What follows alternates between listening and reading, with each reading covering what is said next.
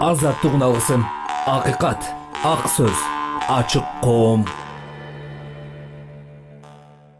Кутман таң азаттык жыйырма экинчи февралдагы таңкы уктурууларын баштайт. Аны алып барып жаткан мен кундуз кызылжарова кесиптештерим кеңири токтоло турган баяндардын кыскача топтому менен таанышып алыңыз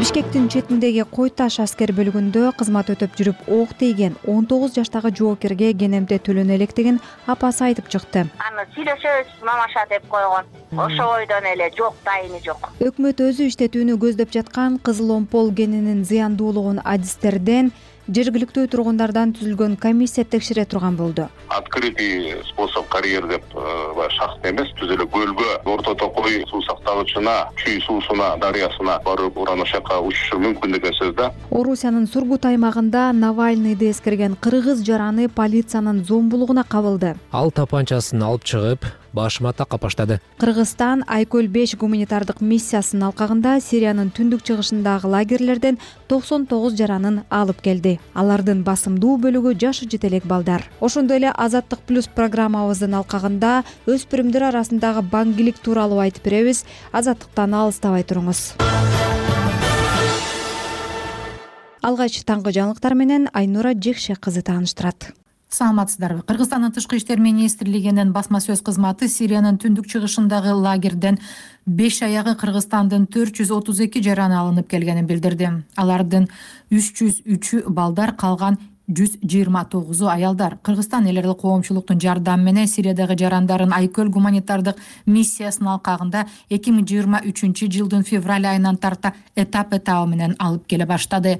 Быйыл жыйырманчы февралда дагы токсон тогуз адам алынып келди. Алардын ичинен жыйырма сегизи аял жана жетимиш бири балдар. Кыргызстандын улуттук коопсуздук боюнча мамлекеттик комитетинин эки миң он сегизинчи жылдыгы маалыматына караганда сириянын согуш болуп жаткан аймактарына кыргызстандан сегиз жүз элүү жаран кетип анын жүз элүүсү ошол жакта набыт болгон.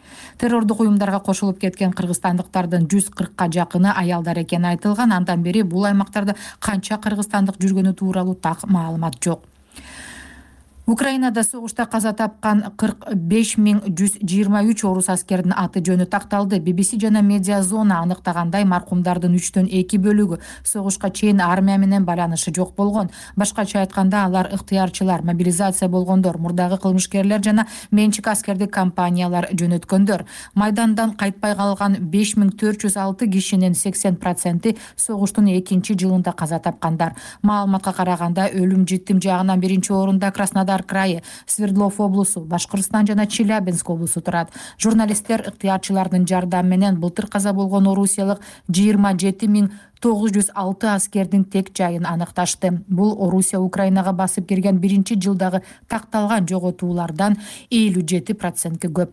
Иликтөөчүлөр былтыркы октябрдан быйыл февралга чейин алты миң алты жүз он төрт аскердин өлгөнүн аныкташты. Дал ошол маалда украинанын донецк облусундагы авдеевка шаары үчүн жана анын айланасындагы кармаш күчөгөн. Москва менен киев уруштагы жоготууларын ачыкка чыгарышпайт ал арада еврошаркеттин өкүлдөрү орусияга каршы санкциялардын он үчүнчү пакетин макулдашты. Аны орус аскерлеринин украина аймагына басып кирүүсүнүн эки жылдыгын утурлай бекитүү пландалууда. Жаңы санкциялык тизмеге эки жүзгө жакын юридикалык жана жеке жактар киргизилет. Бирок он үчүнчү топтомго тармактык чаралар камтылбай турганы белгиленген. Жаңы тизме орусияга каршы кабыл алынган чектөөлөрдүн эң чоңу болуп калмакчы. Еврокомиссиянын төрайымы урсула фон дер ляйен санкциялардын жаңы топтому орусиянын пилотсуз учактар менен камсыз болуусун чектээрин евро биримдик путиндин согуш машинасын алсыратууну уланта бериши керектигин айтты. Биримдик санкциялар орус армиясын жана аны камсыздагандарды согуш жүргүзүү үчүн керектүү товарлар менен жабдуулардан ажыратат деп эсептейт жогорку кеңеш министрлер кабинетинин бишкек жана ош шаардык кеңештеринин депутаттарынын укугун азайткан мыйзам долбоорун четке какты парламенттин жыйынында бир катар депутаттар долбоор конституцияга каршы келерин айтып сындашты. Алардын бири депутат нуржигит кадырбеков. А бул жерде канатында бутунда колунда кыркып кылып атабыз желектүү кеңештерди. Эгер мындай мыйзам кабыл ала турган болсок мэрияны мэрия эмес эле болуштук дейли же князьство деп коелу? Оштогу князьдык бишкектекини яздык. Жалгыз өзү хан жарым паша болуп анда коррупциянын башаты ошо болот медполикеттин башаты ошо болот.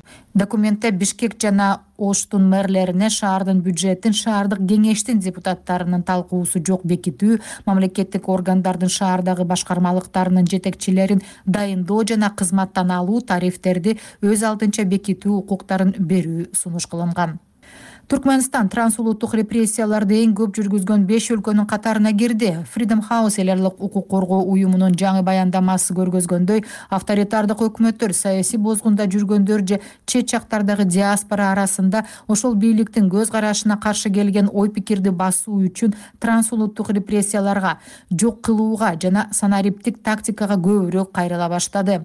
Эки миң жыйырма үчүнчү жылы эле жыйырма беш өлкөнүн өкмөттөрү тарабынан жасалган транс улуттук репрессия жүз жыйырма беш учуру анын ичинде киши өлтүрүү барымтага алуу кол салуу камакка алуу жана мыйзамсыз депортация катталган. Эң көп улуттар аралык репрессияларды жүргүзгөн алдыңкы беш өлкөнүн катарында түркмөнстандан башка орусия кытай мьянма жана камбоджа кирген.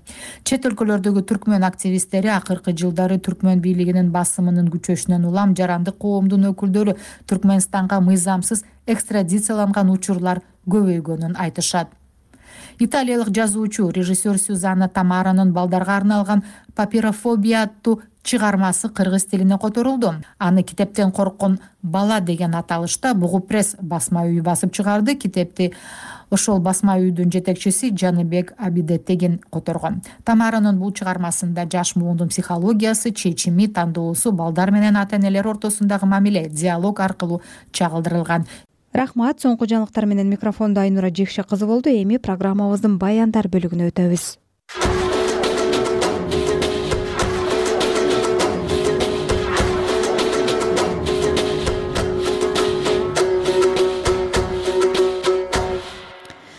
бишкектин четиндеги кой таш аскер бөлүгүндө кызмат өтөп жүрүп ок тийген он тогуз жаштагы жоокерге кенемте төлөнө электигин апасы айтып чыкты.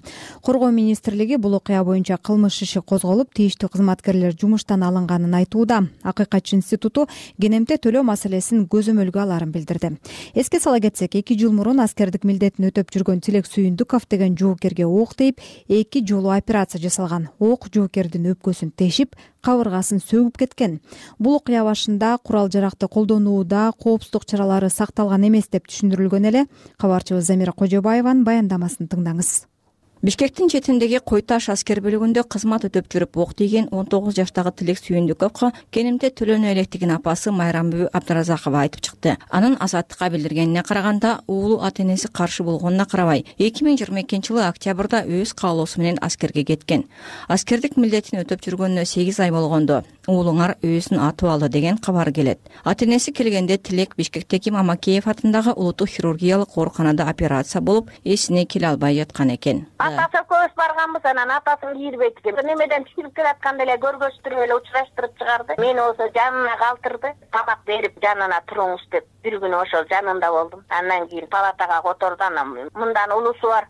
Ошол багып жат. Министрге чейин бардык. Өзүбүз неметебиз компенсацияны төлөйбүз. Балаңызды госпиталга котортуп жаткыртыңыз деп анан госпиталга которуп жаткырдык. Анан төрт ай жатты. Эчтеке төлөгөн жок. Жаңы жыл боло электен мурун бир чалгам чалсам болот болот сүйлөшөбүз анан аны госпиталдын врачтары менен сүйлөшүш керек анан аркы берки болуш керек.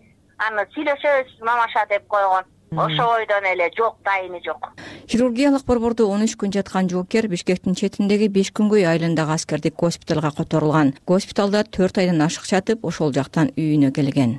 Ошон анан октябрда жиберебиз деген жибериптир военный билетин берип формаларын кийгизип анан кетирип. Азыр эми жакшы эле ырас эле бирок баягы ок тийген оңой эмес да. Унутчаак болуп ачуулуу болуп калыптыр. Апасынын айтымында октон боору жабыркап эки оор операцияны башынан кечирген тилек учурда оор ишке жарабайт. Кантип ок чаңылганы тууралуу айткысы да келбейт балам дегенде аябай бекитип койгон го балам эчтеке сөз сүйлөп десе эле өзүмдү өзүм атып алдым деп эле койду. Даже деген мен ошо больницада жатканда деле өзүң дагы жоопко тартыласың өзүң дагы кесилесиң деп коюптур балам деген ойгонгондо наркозу тарагандан кийин апа мен да кесилемби? деп сурап атты кимиси айтканын кудай акы билбейм анан ой эмнеге кесилмегиле сен айыгып чыкчы анан андан кийин сүйлөшөбүз деп мен ошентип коюп аттым. Деди жоокердин апасы майрамбүбү абдыразакова тилектин апасынын кайрылуусунан соң коргоо министрлиги комментарий берип жоокерге ок тийген окуя боюнча кылмыш иши козголуп аскер прокуратурасы иликтөө жүргүзгөнүн тийиштүү кызмат адамдары жумуштан алынганын билдирди эки миң жыйырма үчүнчү жылдын июнь айында кылмыш иши козголуп аскер прокуратурасы иликтөө иштерин жүргүзгөн. Тийиштүү кызмат адамдары кызмат ордунан бошотулган. Катардагы жоокер тилек сүйүндүков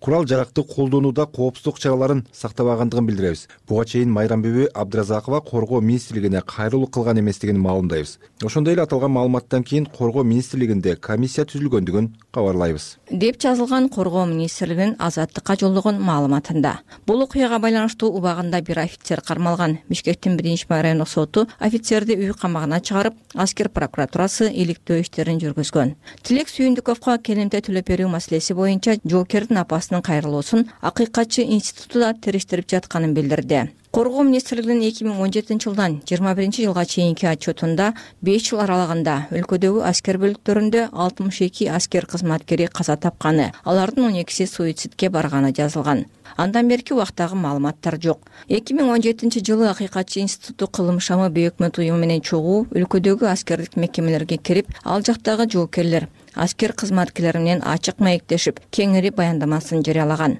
Аскердик юрист кылмыш шамы уюмунун адвокаты болуп жүргөн акынбек ногоев аскердеги өкүмзордук күч колдонуу жана башка жагымсыз көрүнүштөр көбүнчө жабык бойдон калаарын эгерде ошол эле аскер бөлүгүнүн командири өзү башынан баштап эле кичинекей болсо дагы ошону ачыкка чыгарып ошону иликтеп өйдөккө жакка жеткизип ошонун э, негиздерин себептерин жеткизсе ал командир сөзсүз түрдө э, жоопкерчиликке тартат. Ошондуктан ар бир жетекчи аскер бөлүгүнүн жетекчиси. Ошону жашырып жапканга ар бир э, жоокерлердин залакат алганы боюнча жашырып жапканга аракет кылат. Дедовщина жана ошондой эле болуп аткан санын азайтыш үчүн аскер кызматын өтүп жаткан органдарда э, сөзсүз түрдө ачыктыкты киргизиш керекпиз. Ошол жерден жетекчилер мисалы ачыкка чыгарып атса ошолорду кайра тескерисинче колдош керекпиз.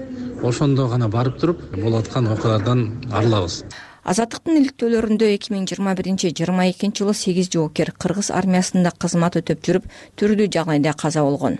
Алардын саны былтыр дагы азайган эмес. Эки үч жоокер белгисиз жагдайда өзүн атып алганы кабарланса кара көлдөгү аскер бөлүгүндө кызмат өтөп жаткан жоокер өзү менен бир бөлүктөгү аскерди атып салган. Аскер прокуратурасы бул окуялар боюнча кылмыш иштери козголуп иликтөө жүргүзүлүп жатканын билдирген. Жыйынтыгы тууралуу азырынча маалымат жок бишкектен замира кожобаева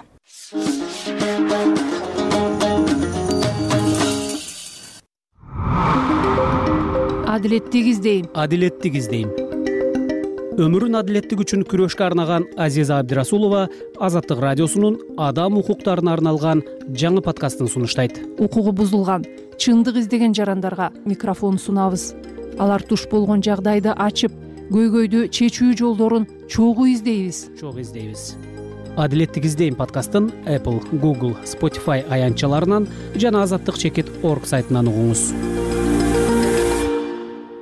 кыргызстанда кызыл омпол генин казуу демилгеси кызуу талкууланып ар кандай пикирлер айтылып жатат. Бийлик генди толугу менен мамлекет иштетерин ага жакын жайгашкан аймактарда өнүгүү болорун убадылап жатат. Гендин зыяндуулугун адистерден аймактын тургундарынан түзүлгөн комиссия текшере турган болду. Бирок жергиликтүү тургундарды экология маселеси чочулатып жатат. Мындан беш жыл мурун нааразылыктарды жараткан кызыл омполду иштетүү маселеси бул жолу кандай өнүгүүдө?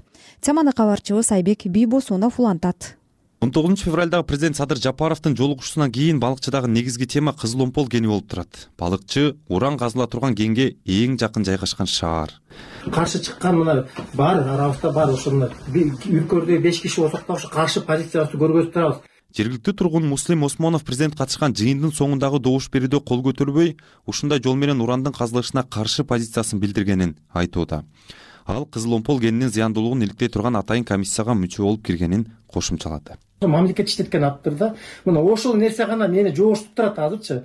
Бирок болбой эле мен бул кендин ачылып иштеп кетишине мен каршымын. Анткени бул жерде болгону бир гана нерсе менин жүрөгүмдү өйүткөн нерсе э, бул жерде мамлекетке акча түшкөн күндө деле мына жалпы ысык көл элине эли куржалак калып атпайбы мына черный пиарды кетирип ийсе ушак мындай кыргызча айтайынчы ушак таратып ийсе көлгө барбагыла. Көлдө деген мына мынтип тиги уран казып атыптыр. Эртең барып көлдүн суусуна түшсөңөр деген шашыңар бир алты айдан кийин жыдып түшөт экен Э, айыкпаш жара денеңерге чыгат экен анан бир бир жарым эки жылдан кийин аккан болуп ооруйт экенсиңер деп койсо биз туристтерден кур жалак калып атпайбызбы бийлик кызыл омпол кенин казууга биринчи жолу аракет кылып жаткан жок. Эки миң он тогузунчу жылы ушундай демилге көтөрүлүп жергиликтүү тургундардын каршылыгы менен уран казууга мораторий киргизилген эле бул жолку жыйынга балыкчы шаары тоң жана кочкор райондорунун тургундары катышып президент садыр жапаровду кыргыз алтын ишканасынын жетекчиси жана эксперттер коштоп барган. Жыйындын жүрүшүн видеого тартууга уруксаат берилген эмес. Айрым учурларын президенттин администрациясы жарыялады. Анда садыр жапаров мораторий жогорку кеңеш аркылуу кайра жоюларын билдирген. Бул жерде биринчиден миңден ашык жаңы жумушчу орун пайда болот. Миңден ашык.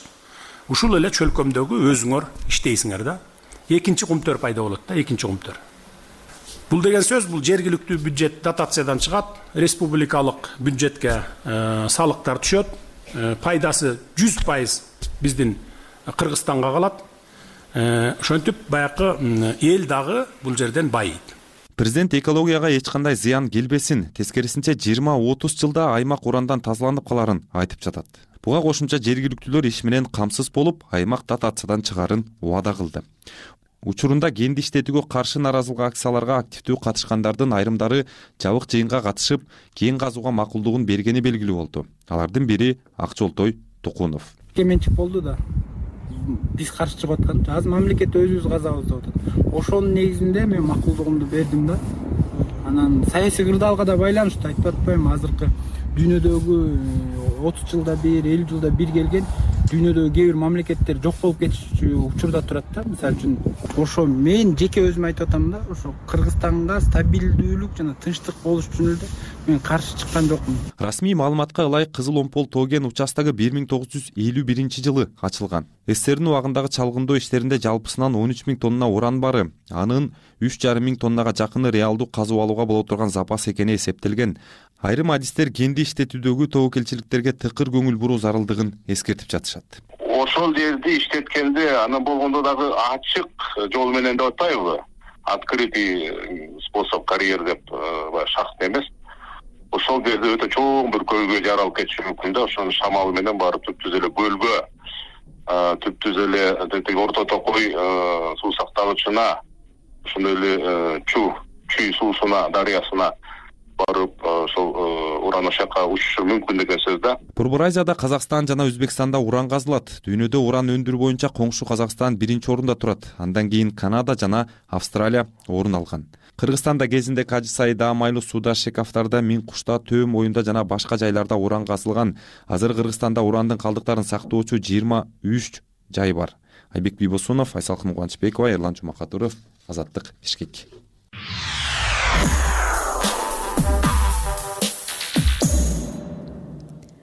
четте миграцияда жүргөн кыргызстандыктар тууралуу айтабыз эми. Орусиянын сургут аймагында навальныйды эскерген кыргызстандык полициянын зомбулугуна кабылды. Ал кыйноо фактысы боюнча орусиянын тергөө комитети жана прокуратурага арыз менен кайрылды. Кененирээк кабарчыбыз айгерим акылбекова баяндайт.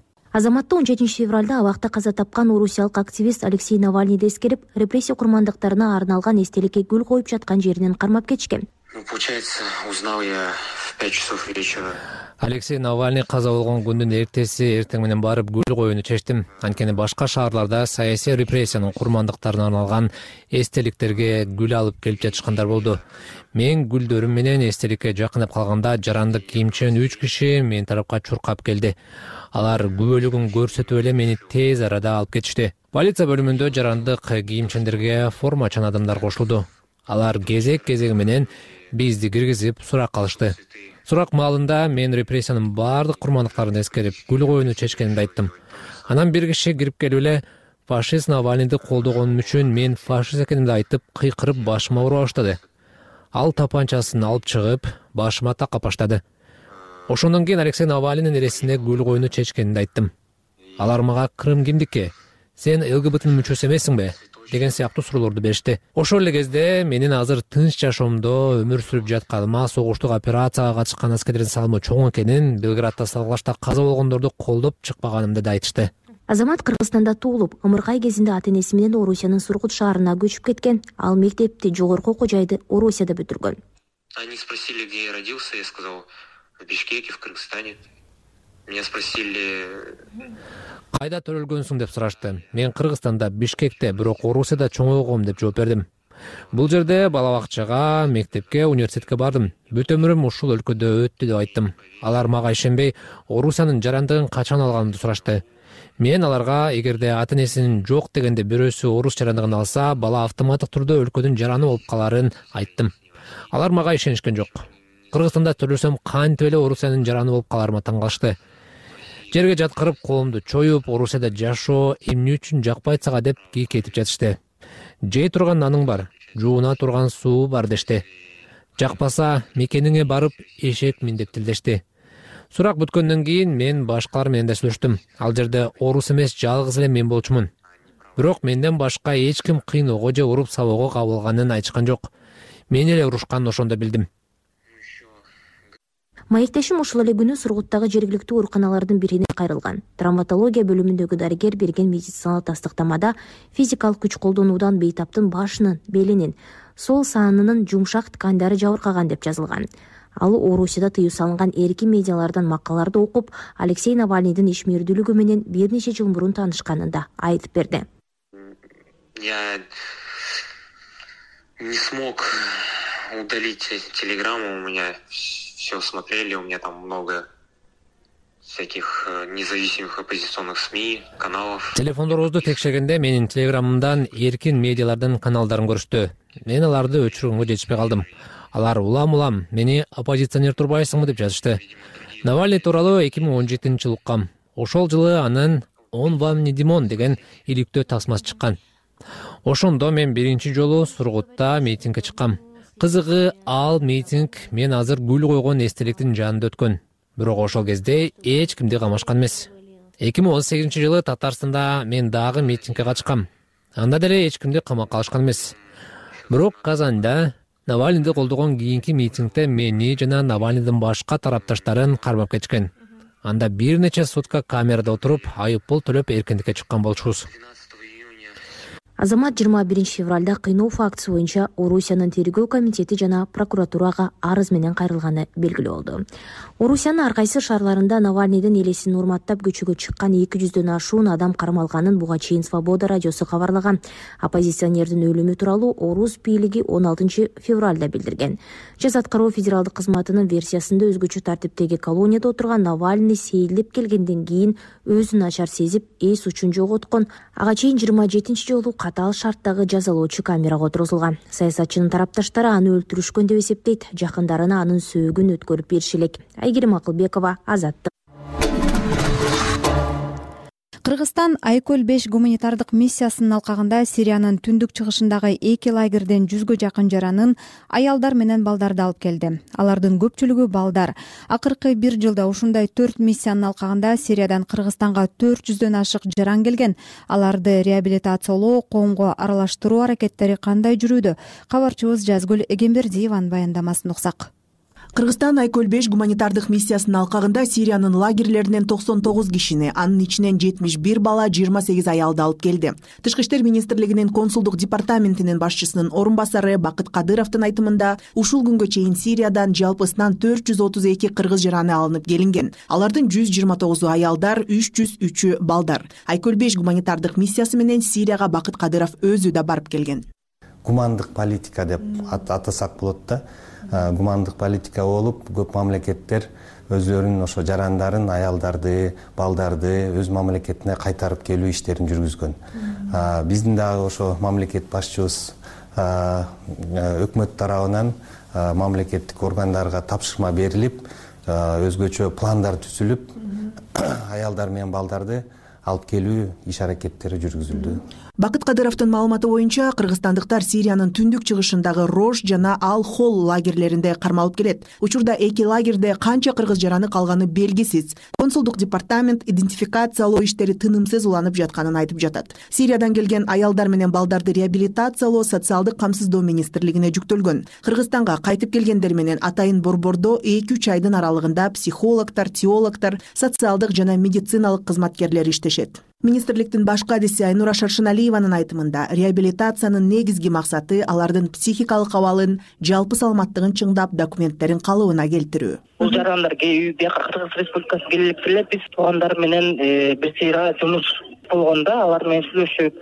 эгерде силердин туугандарыңар э, бияка келип калса силер аларды өзүңөрдүн камкордугуңарга алганга даярсыңарбы деген э, маселе көтөрүлгөн да ошондо макулдугун алганбыз да. Анан кийин ошо реабилитациялык борбордон чыккандан кийин анан туугандары келип ошо центрден өзүнүн э, кыздарын балдарын неберелерин баарын алып кетишет үйлөрүнө. Анан үйлөрүнө кеткенден кийин жер жерлерде биздин министрликтин жана башка биздин мамлекеттик органдардын э, жер жерлердеги жанагы бөлүмдөрү иштерин башташат жер жерлердеги мамлекеттик мекемелердин адистери сириядан келген аялдар менен балдарды коомго интеграциялоо иштерин жүргүзөт. Реабилитация мамлекеттин эсебинен каржыланат. Канча акча сарпталаары кабарланган жок айкөл беш гуманитардык миссиясы америка кошмо штаттарынын өкмөтүнүн колдоосу менен уюштурулган. Эки миң жыйырма экинчи жылы акшнын генералы майкл курила бишкектеги иш сапарында сириянын түндүк чыгышындагы алхол лагеринде алтымыштан ашуун өлкөдөн чыккан болжол менен элүү жети миңдей киши баш калкалап жатканын алардын көбү ислам мамлекети террордук тобунун мүчөлөрүнүн балдары жана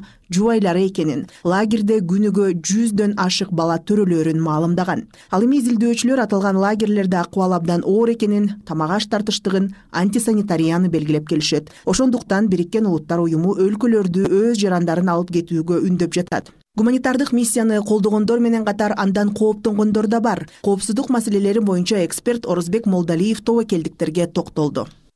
Коркууга негиз бар бул э, идеология деген нерсе адамдын э, кулк мүнөзүн жашоо шартын баарын өзгөртүп кое турган нерсе болот мына. Коммунисттик идеологиядан эмгиче кутула албай жүргөн э, элибиз бар эмеспи аны билесиздер да.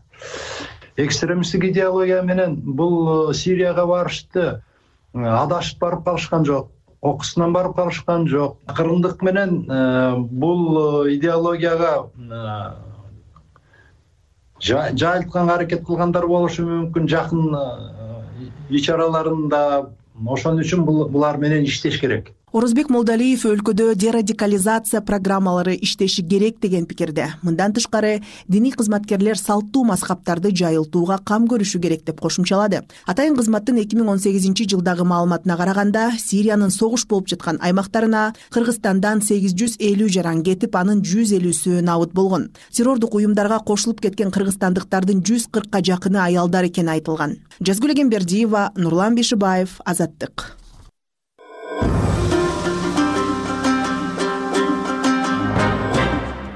элдин балдары подкастынын бул жолку коногу алып баруучу тамада урмат бурченов. Аны менен тойдогу ысырапкерчиликтен баштап коомдогу көйгөйлөр жарандык активизм жөнүндө сүйлөштүк. Подкастты даярдаган кесиптешим токтосун шамбетов. Арыбаңыз көрөрман сиз азаттыктын элдин балдары подкастын көрүп жатасыздар бүгүн биз э, алып баруучу тамада урмат борченов менен баарлашабыз. Э, урмат экөөбүз бүгүн ушу тойдогу ысырапкерчиликтен баштап коомдогу көйгөйлөр жарандык активизм жөнүндө сүйлөшөбүз. Студиябызга кош келипсиз рахмат рахмат. Буюрса ачылып чачылып жакшы маек куруп беребиз деген ой бар. Сиз катардан футбол көрүп келдиңиз э мындай эмоционалдык сүрөттөрүңүздү көрдүк. Анан жыйынтыгы сизди кандай ойго салды? Биздин коомдо азыр таптакыр эле алмаштырыш керек баарын деп мындай кескин чараларды көргөнгө даяр эмеспи? Бир коомдун айрым бир бөлүгү мен футболго кызыкпайм. Э, жана чемпионаттарды эле көрүп коем дүйнөлүк чемпионаттарды эле а болгондо да плей оффторун эле көрөм. Эми мындай маек куруп калсак бул бул мамлекеттин эме курамасы күчтүү ойнойт биздикилер мындай ойнойт деп э, сөзгө аралашып калыш үчүн четте четте калып калбаш үчүн эле. Анан бул жерде деле биз мен мындай кокусунан барып калдым. Э, кыргызстандын катардагы маданият күндөрү болгон. Ошол оюндарга дал келип калыптыр. Анан манас менен актанга байланыштым. Оюм барбы десем бүгүн бар дейт. Анан барып сүрөп колдоп койдум. А негизи жалпысынан алганда өтө кейиштүү эми. Кошуна мен карап койдум да андан кийин. Кошуна тажикстан өзбекстандар алар чейрек финалга чыгыптыр.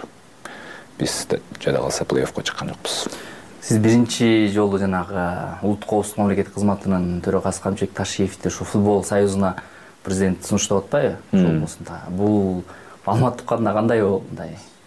Эми күлкү келтирелик деп ойлодум. Себеби ал кишинин толтура жумушу бар анан кийин футболду да башкарып койбойсуңбу сен башкарып койбойсуңбу эми мен үчүн аябай мындай. Несерьезный э, көрүнөт да футболду сен башкарып койбойсуңбу бүгүн сен башкарып койбойсуңбу эртең мен башкарып койбойм мындай эле ушундай. Экөөбүз сүйлөшүп аткандай эле э, мамиле да. Адамдардын э, ар бир адамдын масштабы болот да. Масштаб. Сен өлкө башчысыңбы сен өлкө башчысы жасай турган жумуштарды жаса. Сен мамлекеттик улуттук коопсуздуктун башчысысыңбы сен ошолорго татыктуу тете жумуштарды жаса. Ар бир өзүнүн деңгээлинде болсо баары сонун болмок да. Тилекке каршы баарыбыз эле урматтуу садыр нуркожоевич бир нерсе болсо эле там э, же болбосо там кандай десем жолдо тешилип калса деле президентке кайрылабыз го. Ну анын деген түзмө түз э, анын жоопкерчилиги боло турган инсан бар. Биз ошону билишибиз керек. Анын компетенциясына келе турган э, кире турган э, ошого ылайыктуу балким бир адам бардыр. Бирок менин оюмча ал ташиев эместир менин оюмча. Кыргызстан эми мындай чакан өлкө да кичинекей деп айтпайлы чакан да кичинекей болгону менен мындай маалыматтар да бат жетет да. Мисалы таластагы көйгөй дароо нарынга жетет. Э, ат баштагы көйгөй бишкекке жетет дегендейчи. Анан ушундай кичинекей өлкөдө балким мамлекет жетекчилери ушинтип баарына жетишип көзөмөлдөп туруш керек. Же бул туура эмес э, мындай системабы ооба ар бири туура бөлүштүрүлүшсө ар ким өзүнүн ордунда болсо жакшы болмок. Менеджерлик. Албетте. Менеджерлик менеджерлик. Дүйнөдө ошо спорт болобу чыгармачыл адам болобу артист болобу же блогер болобу мындай аты таанылып калса инфлюенсер болуп калса коомдо кайсы бир пикирди калыптандырууга салым кошкон адам болсо ал сөзсүз позициясын билдирет да коомдогу кандай учур болбосун? Кыргызстанда бул кандай ушул болуп атабы азыр биздики бир аз оорураак дароо эле мындай оорураак тема болуп ателу саясат башталып калбадыбы башталып кетти. Э эми мен сурагым келип атат да мына жоопко татаалдаштырбаш үчүн. Жоломан шаршембеков жөнүндө туу боюнча аябай талкуу болду. Анан бийлик өкүлдөрүнүн айрымдары буга сен кийлигишпе спортуң менен алек бол дегендей таризде айтышты да мааниде жарандык активизмдин мааниси эмнеге эмнеге маанилүү ал?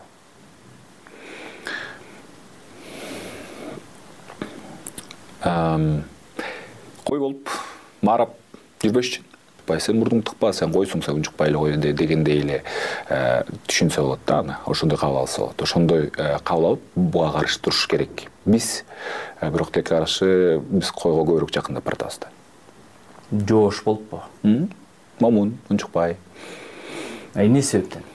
Таң калыштуу бирок э, э, төш каккан менен биз эр жүрөкпүз укмуш эркинбиз орто азияда дагы демократия аралчасы деген сонун эмебиз бар го мындай. Өзүбүзгө өзүбүз ойлоп таап алган мактана турган. Биз ушундай демократиянын борборубуз бизде укмуш эркинбиз деген сыяктуу нерселер бар го. Бирок кандай деле эркин эмеспиз биз э, чындыгында менин оюмча менин баамымда кол эмес бирөөгө баш ийгенди жакшы көргөн авторитардык режимди жактаган бир катуу муштум башкара турган режимди ошого ыктаган эле калкпыз жөнөкөй эле. Менин баамымда азыр деле ошол деле азыр деле ошондой эле. Анан кийин эле кыйынбыз анан кыйратып атабыз анан биз деген ким жакпаса биз президенттин баарын кууп атабыз анан биз кыйратып атабыз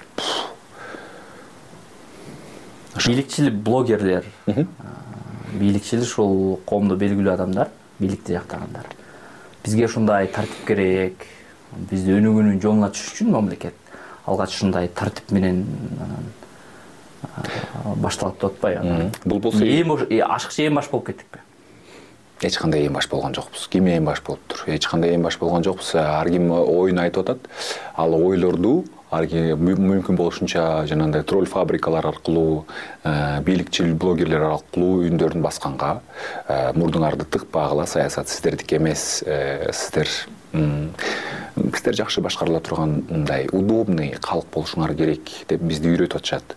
Эми биз сексен канча жыл үйрөнүп эле келгенбиз. Ошондуктан ошол бойдон эле ошол инерция менен эле келатабыз да. Ойгонгондор тилекке каршы аз болуп атат. Анан ал азчылык кандайдыр бир мындай критикалык массага жетпегендиктен жашообуз ошондой эле келатат. Э, биз мисалы үчүн э, кандай десем масштаб масштаб личности э, максимум бир айыл өкмөттүн деңгээлиндеги адамдар өсүп чыгып атат да. Мындай толук мамлекет дүйнөлүк планетаны ойлогон адамдар өсүп жетилбей калып жаткандай. Мага ушундай таасир калтырат да.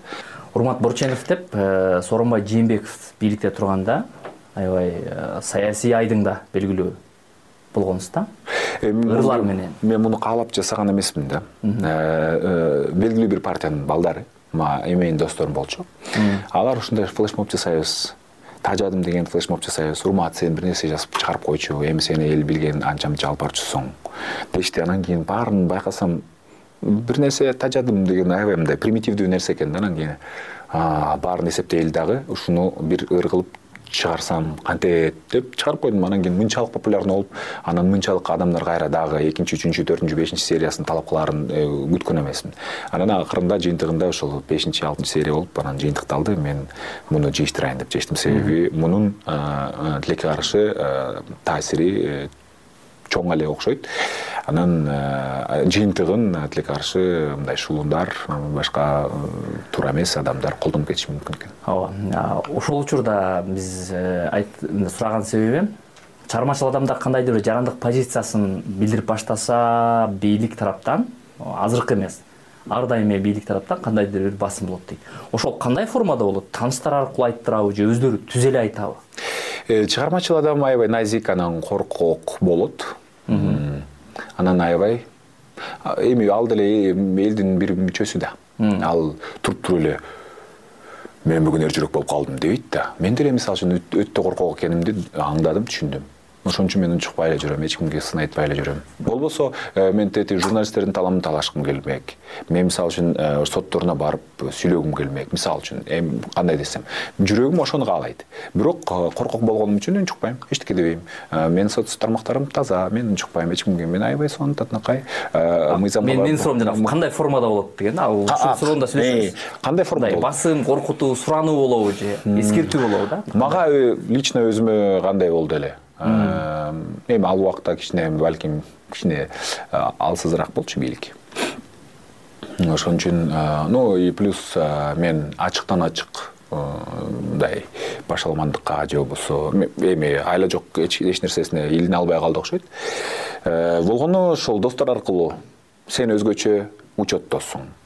Сени аябай сага көңүл буруп атышат сен анан кийин жумуш анда ктрде эме диктор э, алып барчу штаттан тышкары диктор болуп иштечүмүн сен урмат ктрден чалышты ушунду жөн эле койбойсуңбу анан алып койбойсуңбу дешти. Ушул ырларыңды алып койбойсуңбу дешти. Анан кийин мен айттым ну биринчиден бул ктрдин эфири эмес бул менин баракчам. А экинчиден бул менин оюм.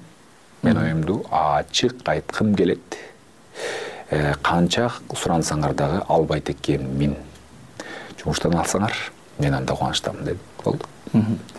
Азыр э, себебин айтып өттүңүз ошо кененирээк айтасызбы азыр эмнеге мындай активдүү эмессиз азыр деле айтасыз азыр деле жазасыз бирок анчалык эмес. Мен коркокмун. Мен э, көрсө жоокер эмес экенмин мен барып чындап э, мындай кадимкидей ошол акыйкаттыктын таламын талашып күрөшкүм келет. Ошол акыйкаттын бир бөлүгү болгум келет. Болбогонум үчүн дагы өзүмдү өзүм аябай жектейм. Бирок экинчи четинен коркок коркок экенмин. Эмне эмнеден коркосуз эмнеден корком? Ну мисалы үчүн айталы көп көп сүйлөп алдым. Же болбосо укмуш катуу постторду жазып чыктым. Эртеси келип алып туруп тыгып салышты мисалы эч ким эчтеке дебейт турбайбы? Сен элдин элдин сөзүн сүйлөдүң эч ким элдин ырысын жеп аткандарды ашкереледиң. Эч кимге баарына баары үйрөй турбайбы? Супер. Анда баарына баары бир эмес балким ошо баары бир болуп аткандар да коркуп аткандыр ошо коркуп жатып атпайбы мен сүйлөсөм алар деле коркушат. Демек аларды күнөөлөбөйсүз. аларды күнөөлөбөйм. Коркуп атканы үчүнчү сиз айтып атпайсызбы азыр коом кул мүнөз болуп калды депчи кул мүнөз эле кул мүнөз бойдон жүрөбүз. Анан кийин анча мынча ойгонгондор бар алар балким кээде кээде сүйлөшүшү мүмкүн. Мурун бир аз үндөр катуураак чыкчу азыр деги эле чыкпай калды болду. Ошол эле.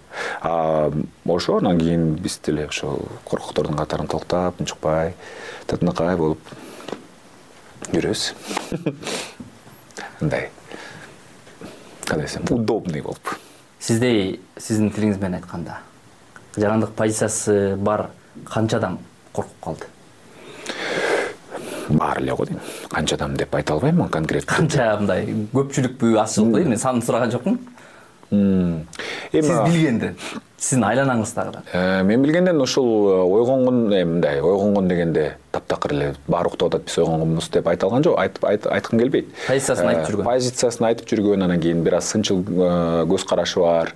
Сынчыл пикирдеги адамдар бир ашып кетсе миңге чукул эле адам бар негизи эле жалпы алганда. Миңге чукул адам анан кийин өтө активдүүсү ашып кетсе бир жүздөй эле. Анан жүздөйүнүн элүүсү камакта элүүсү унчукпай калды дегендей да мисалы үчүн эми жалпы алганда мындай грубо эсептей турган болсо ошондой эле да. Сиздин тааныштардын арасынан мен беш таанышыңыз бар дейли позициясын билдирип жүргөн. Ошонун канчасы канча адамыңар коркуп унчукпай калдыңар азыр? Мен менин катарымда эч ким жок мисалы сын көз карашта ошо бешөөңөр тең унчукпай калды унчукпай эле жүрүшөт сопсон эле таптатынакай анан кээде эле укмуш бир мындай суроо болуп калса маселенин өзөгү болгон кишиге эмес. Анан депутаттар анан булар тигилер деп эле калып эле бир нерсе сүйлөп айланасын анан бийликтегилер деп эле мындай кыйгачтап өтүп өзү эле өзү эле эй түз айт маселенин өзөгү өзү айтып атат мени тепкилегиле депчи мисалы үчүн. Тепкилегиле кана ким силерге уруксаат бербейт атат? Тепкилегиле кана эч кимге бирөө дагы бир дагы сөз бир жада калса бир деген бир дагы сөздү айтпай коюшту. Баары эле тиги спикер кечирип койгула депутаттар желекти алмаштырбагыла деп эле. Мындай мындай позиция ребенка кичинекей жаш баладай мен аябай ошого мындай дегеним келди айтсаң түз айт айтсаң түз айт айтпасаң айтпай эле койчу мага окшоп деп эле өзүмө. Кыйын болуп койдум. Ооба. Менин сураганымдын себеби жарандык позициясын билдирип жүргөн адам анын чыгармачылыгына алып баруучулугуна тамадалык э, ишмердүүлүгүнө зыянын тийгизеби жок. Тийгизбейт тескерисинче кадыр барк алып келет. Тескерисинче адамдар сый урмат менен мамиле кылат. Сизге айткандар болдубу тойдо? Ушуну туура айтыңыз конкреттүү түрдө э, мен э, ачыгын айтканда э, орто сегментке иштейм. Орто сегмент бул болсо ар бир сомунун маңдай тери менен таман акысы менен тапкан адамдар көбүн эсе. Анан ал адамдарга албетте алар деген мамлекеттик институттар жакшы иштеп турушун каалайт баардыгы ачык айкын болушун каалайт мен алар менен бир катардамын ошондуктан эгерде мен ошондой сынчыл көз карашта болсом өзүмдүн позициямды билдирген болсом алар мага сый урмат көрсөтөт демек мен орто сегментте иштеп атам. Орто сегментте менин э, кадыр баркым атаагым сыйым күчөдү. Ал эми э, кээ бир адамдар э, премиум сегментте иштешет. Алар алар акчалуу алардын акчалары кандай келгени күмөндүү алар акчаны санабайт бул жерде бир он он бештей алып баруучу иштейт. Мисалы үчүн менин коллегаларымдын арасынан.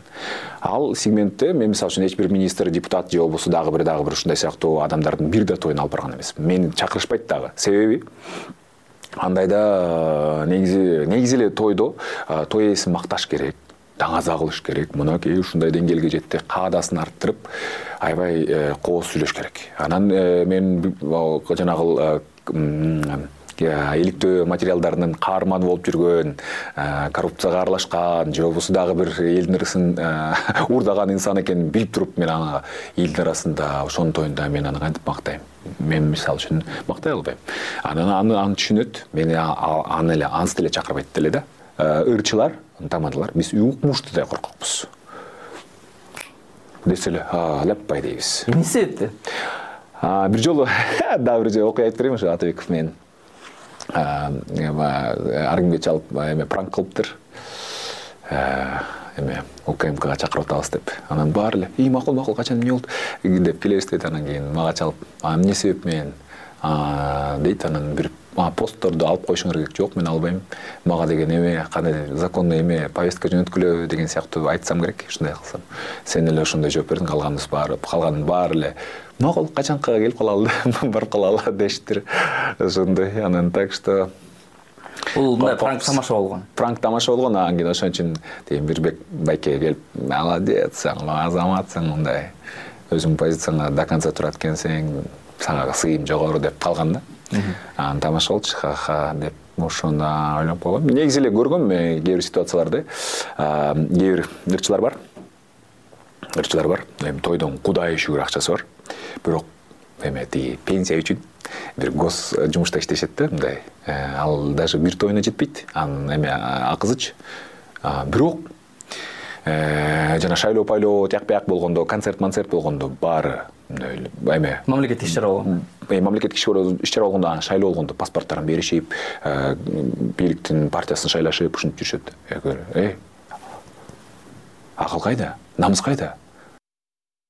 Азаттыктын угарманы сиз элдин балдары подкастын уктуңуз аны даярдап алып чыккан токтосун шамбетов болду. Ал эми подкасттын коногу тамада алып баруучу урмат борченов элдин балдары.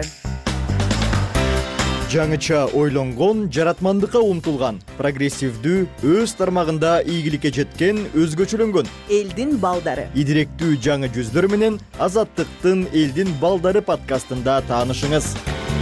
Подкастты apple google spotify аянтчаларынан жана азаттык чекит орг сайтынан угуп ютубтагы азаттык деген каналдан көрүңүз. Элдин балдары соңку жылдары өспүрүмдөр арасында дары баңгилиги кеңири жайылууда. Өткөн айдын этегинде күчтүү таасир этүүчү дарыларга көз карандылык менен күрөшүү маселеси парламентте да көтөрүлдү. Бул көйгөйдүн масштабы канчалык? Медина самидин баяндайт. Здравствуйте.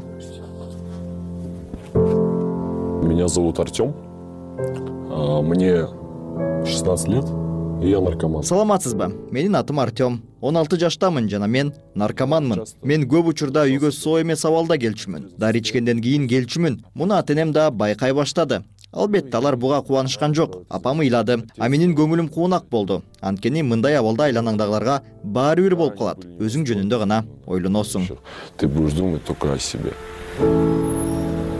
эрте жашынан дары баңгилигине байланып калган артем анын туткунунан дагы деле толук кутула элек.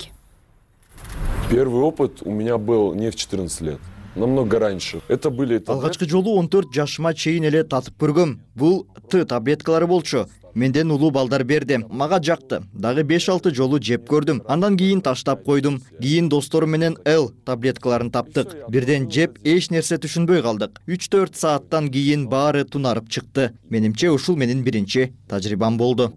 Вот это мне кажется был мой первый опыт именно с фармой дары баңгилиги бул күчтүү таасир этүүчү дарыларга көз карандуу болуп калуу. Нарколог эркайым баишева дарылардан көз карандуу болуп калуу тез эле экенин айтат. Аптечная наркомания это неофициальный термин который используется для обозначения употребления дарыкана баңгилиги бул расмий эмес термин ал дарыканада сатылган дарылардын медициналык эмес максатта колдонууну билдирет. Бул күчтүү таасир берген психотроптук препараттар. Алар организмге толук сезилерлик таасирин берет. Нерв системасына жүрөк кан тамырларына боор бөйрөккө биринчи сезилет.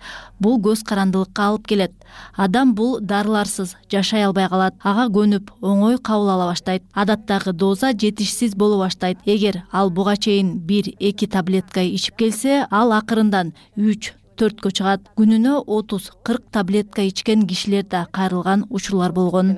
Три четыре. Были случаи когда люди приходили с проблемой что они в день там выпивают чуть ли не до тридцати сорока таблеток человеку может хватить и одну и две неопытному зависит от человека. Тажрыйбасыз адамга бир эки таблетка да жетет. Бул ар бир адамдын организминен көз каранды. Мен бир жолу элүү алты таблетка ичип эч нерсе сезген эмесмин. кырк алты беле же элүү алты беле айтор көп. Дары баңгилигинин өспүрүмдөр арасында кеңири жайылышынын негизги себеби күчтүү таасир этүүчү дарылардын дарыканаларда баарына жеткиликтүү болгону. Аптеки я считаю это главный дарыканалар баңгиликти жайылтууга шарт түзүп жатат. Азыр дарыларды ачык саткан дарыканалар өзүнчө бөлүнүп калган. Алар сени келбетиңден кийимиңден мурда келип жүргөнүңдөн тааныйт где тебя по лицу будут как то сканировать? По одежке? Давно ли ты ходишь в эту аптеку? Давно ли ты покупаешь? Жаштарга гана эмес улууларга. Бергенге да болбойт.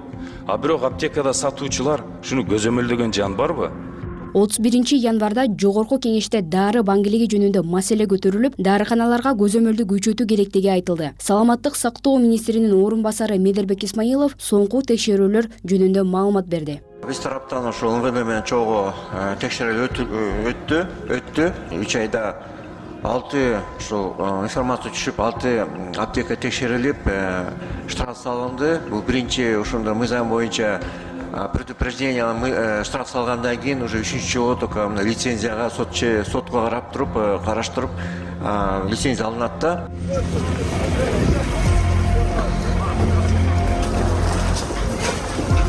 Укук коргоо органдары да күчтүү таасир этүүчү дарыларды саткандарга каршы атайын рейдтерди уюштуруп келет.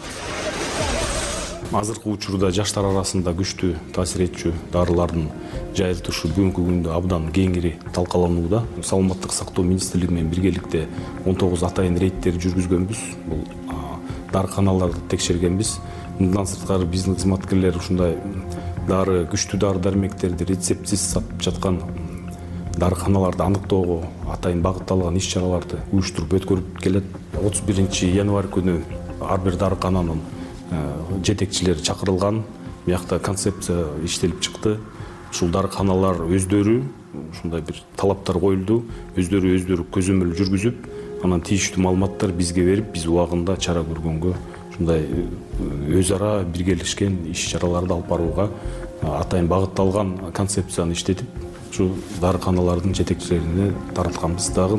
Ушуну түшүндүрүү иштерин жүргүзгөнбүз. Дейт ички иштер министрлигинин баңгизаттарды мыйзамсыз жүгүртүүгө каршы күрөшүү кызматынын уюштуруу жана талдоо башкармалыгынын башчысы марсель дооталиев. Дегени менен күчтүү таасир этүүчү препараттарды азыр дарыканалардан гана эмес соц тармактар аркылуу да онлайн сатып алуу мүмкүн. Атайын телеграм тайпалар аркылуу саткандар да жок эмес. Артемдун айтымында мындай учурда кардар дарыны кимден алып жатканын билбейт. Ал эми акчасын криптовалюта аркылуу которуп коет. Ал эми бул боюнча парламентте баяндама жасаган депутат медер алиев муну жаңы кылымдын кылмышы катары сыпаттайт. Интернет аркылуу кылмыштардын түрлөрү дагы көбөйдү жаңы синтетикалык баңгизаттарды интернет дүкөндөр аркылуу дагы жайылтуу абдан жеңил болуп калды. Бул маселеден бизге э, көптөгөн жабыркаган ата энелер келди. Э, тереңирээк маалымат алууга жакшы шарт түзүлдү. Ошонун жыйынтыгында э, жогорку кеңеш тарабынан токтом долбоорун демилгелеп ырастап чыктык. Ал токтом долбоору эми эмнени камтыйт? Тиешелүү министрликтерге тапшырма берет. Жаштардын арасында ушул маселени кош көңүл болбой контролго алгыла. Жер жерлерде мектептерде университеттерде түшүндүрүү иштерин күчөткүлө. Ички иштер министрлигине э, жөн эле баңгизаттарга каршы күрөшүү түзүм болбостон өзүнчө министрлик болсун. Мурункудай агентство по контролю наркотиков саламаттык сактоо министрлигине аптекаларды күчтөндүргүлө контролдогондо. Жаш балдарга рецептсиз күчтүү мээге таасир этүүчү дары дармекти сатпагыла. Эгер сата турган болсок катуу чаралар көрүлсүн. Ошонун баардыгын камтып келип туруп ар бир квартал сайын жогорку кеңешке ушул аталган министрликтер гос органдар келип отчет берип турат бирок көп жылдар бою калыптанып кулачын кенен жайган бул маселени чечүүдө мындай аракеттер канчалык натыйжа берери анык эмес. Сезим кризистик борборунун жетекчиси бүбүсара рыскулова бул өнөкөт эки миңинчи жылдарда күчөгөнүн бул көйгөй менен кайрылган жүздөгөн адам менен иштешкенин дары баңгилиги анын жакындарын да кыйгап өтпөгөнүн айтат. Адистин айтымында дары баңгилиги уруулукка ал тургай оор кылмыштарга алып келиши мүмкүн бул э, социалдык оору дейт. Отуз жыл э, кырк жыл мурун убакта э, энеси кайтыш болуп кеткен эки баласы бар болчу белгилүү эле кишилердин үй бүлөсүнөн туугандарынан да. Анан ошол тиги атасы калып туруп эле тигини сат муну сат дей берет экен да акча керек да алар кымбатыраак болот. Анан тиги улуу баласын чакырат ай мынау мени өлтүрмөй болду момунтип атат деп туруп анан ал деле жакшы кызматта иштеген эки бала эки үй үч балалуу эме экен улуусу. Анан келип эметкен кеткенде жанагындай моундай наркотический акыбалда эчтекени сезбей калат экен дейт да. Анан тиги ай сен койсоң болот. Ну как эме жадаттың десе келип алып туруп бычак менен жүрөккө сайыптыр бир тууганым да. Ушундай мыкаачылык баш иштебей калат экен да. Анан мен деле бир эмелерди көргөм. Мындай консультацияга деле алып келет. Буларга психотерапевт анан кийин психологдордун жардамы такыр жок болуп калат. Жанагындай жетерине жеткенде и тем более жанагы дары менен деле алар деле дарыны деле көбөйтүп көбөйтүп көбөйтүп эмете берет. Жана наркотикти эметкендей да я начал воровал бывал в магазинах что то мог украсть э, так да. Дүкөндөрдөн уурдаган учурларым болду. Тааныштарымдын да чөнтөгүнө кол салдым.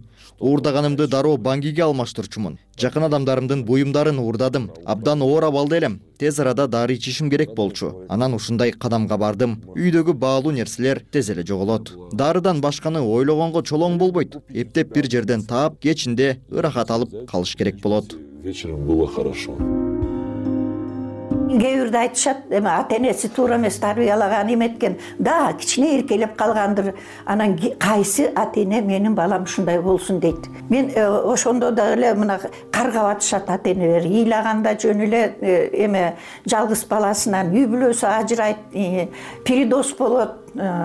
Муну деле көп эч ким деле жазбайт.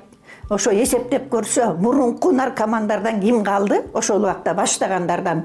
Муну изилдөө да жүргүзүшпөйт. Э, биздин генофондко аябай чоң таасири аткан аң сезимге таасир жасап аткан э, э, ушуну распространение кылып сатып аткан адамдардын мына мен эне катары мындай улуу муун катары тукуму курут болсун дейм да. Канча деген балдардын тагдырын эме талкалап атышат адистерде артем да баңгиге көз карандылык ата эненин жетишсиз мамилесинен убагында көңүл бурбагандыгынан келип чыгышы мүмкүн деген ойду айтышат. Кээ бирде айтат мына нагнетать этесиңер. Сонун эле болуп атпайбы дейт. Анан эмне үчүн дегенде көп үй бүлө муну жашырат сыртка чыгарбайт. Анан тем более жанагындай э, бир э, лавадай эле каптап келатат да жана аптечный наркомания анын э, мындай тияка распространениеси да өзүнчө экен. Башкаларды эле айтпай эле коелу. Ушуга көңүл бурулса да. Я считаю нужно дать достаточно внимания ребенку долюбить и не перелюбить вот это самое главное. Мен балага жетиштүү көңүл буруу керек деп ойлойм. Мээрим аз да көп да болуп кетпеши керек. Ошондо бала сага ыраазы болуп жакшы адам болуп чоңоет. А мен ичимдеги боштукту толтургум келчү. Мага жакчу өзүмдү башкалардан кыйын сезчүмүн мен буга эч качан жолобогула дейт элем. Башында муну укмуш деп ойлойсуң. Жаңы нерсе тапканыңа өзүңдү бактылуу сезесиң. Бирок бара бара өзүңдү акырындык менен өлтүрө баштайсың. Андыктан баңгилик бул жакшы эмес жана учурдагы эң чоң көйгөй. От которой тебе намного хуже. Так что наркотики это плохо и это главная одна из главных проблем в нашей стране на сегодняшний день артем дарыкана баңгилигинен толук арылып чыгармачылык менен алектенип билим алууну уланткысы келет. Республикалык психиатрия жана наркология борборунун адистери эки миң жыйырма үчүнчү жылы наркология бөлүмүнө үч жүз сексен эки өспүрүм кайрылганын айтышат. Алар өмүрүндө бир жолу болсо да күчтүү препараттарды ичип көргөн. Бейтаптардын жаш курагы он төрт жаштан он сегиз жашка чейин. Бул топко отуз жашка чейинкилер да кирет алар да дарыканаларда эркин сатылган дарыларды ичишет. Ички иштер министрлигинин баңгизаттарга каршы күрөш кызматы былтыр дары дармектерди сатуу эрежесин сактабаган жыйырма төрт факт аныкталып беш кылмыш иши козголгонун жалпы эки жүз алтымыш миң беш жүз сом айып пул салынганын билдирди. Медина самидин азаттык бишкек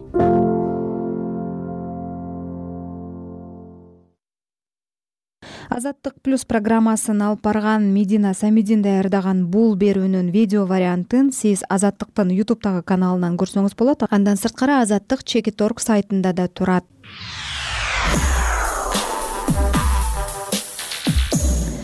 азыр эми аба ырайы тууралуу маалымат кыргыз гидромет борбору кабарлагандай жыйырма экинчи февралда чүй ош жалал абад ысык көл облустарынын тоолуу райондорунда бир аз кар жаайт калган аймактарда жаан чачын болбойт. Батыштан соккон шамалдын ылдамдыгы секундасына төрт тогуз метрге жетет. Абанын температурасы чүй талас баткен ош жана жалал абад аймактарында беш градуска чейин жылыйт. Ысык көл дубанында болсо төрт градус жылуу. Нарын облусунда сууктун күчү жети градуска чейин жетет. Бийик тоолуу аймактарда болсо он он беш градус суук болот. Бишкекте жаан чачын болбойт жолдор тоңголок жана тайгак болот. Абанын температурасы төрт градуска чейин жылыйт.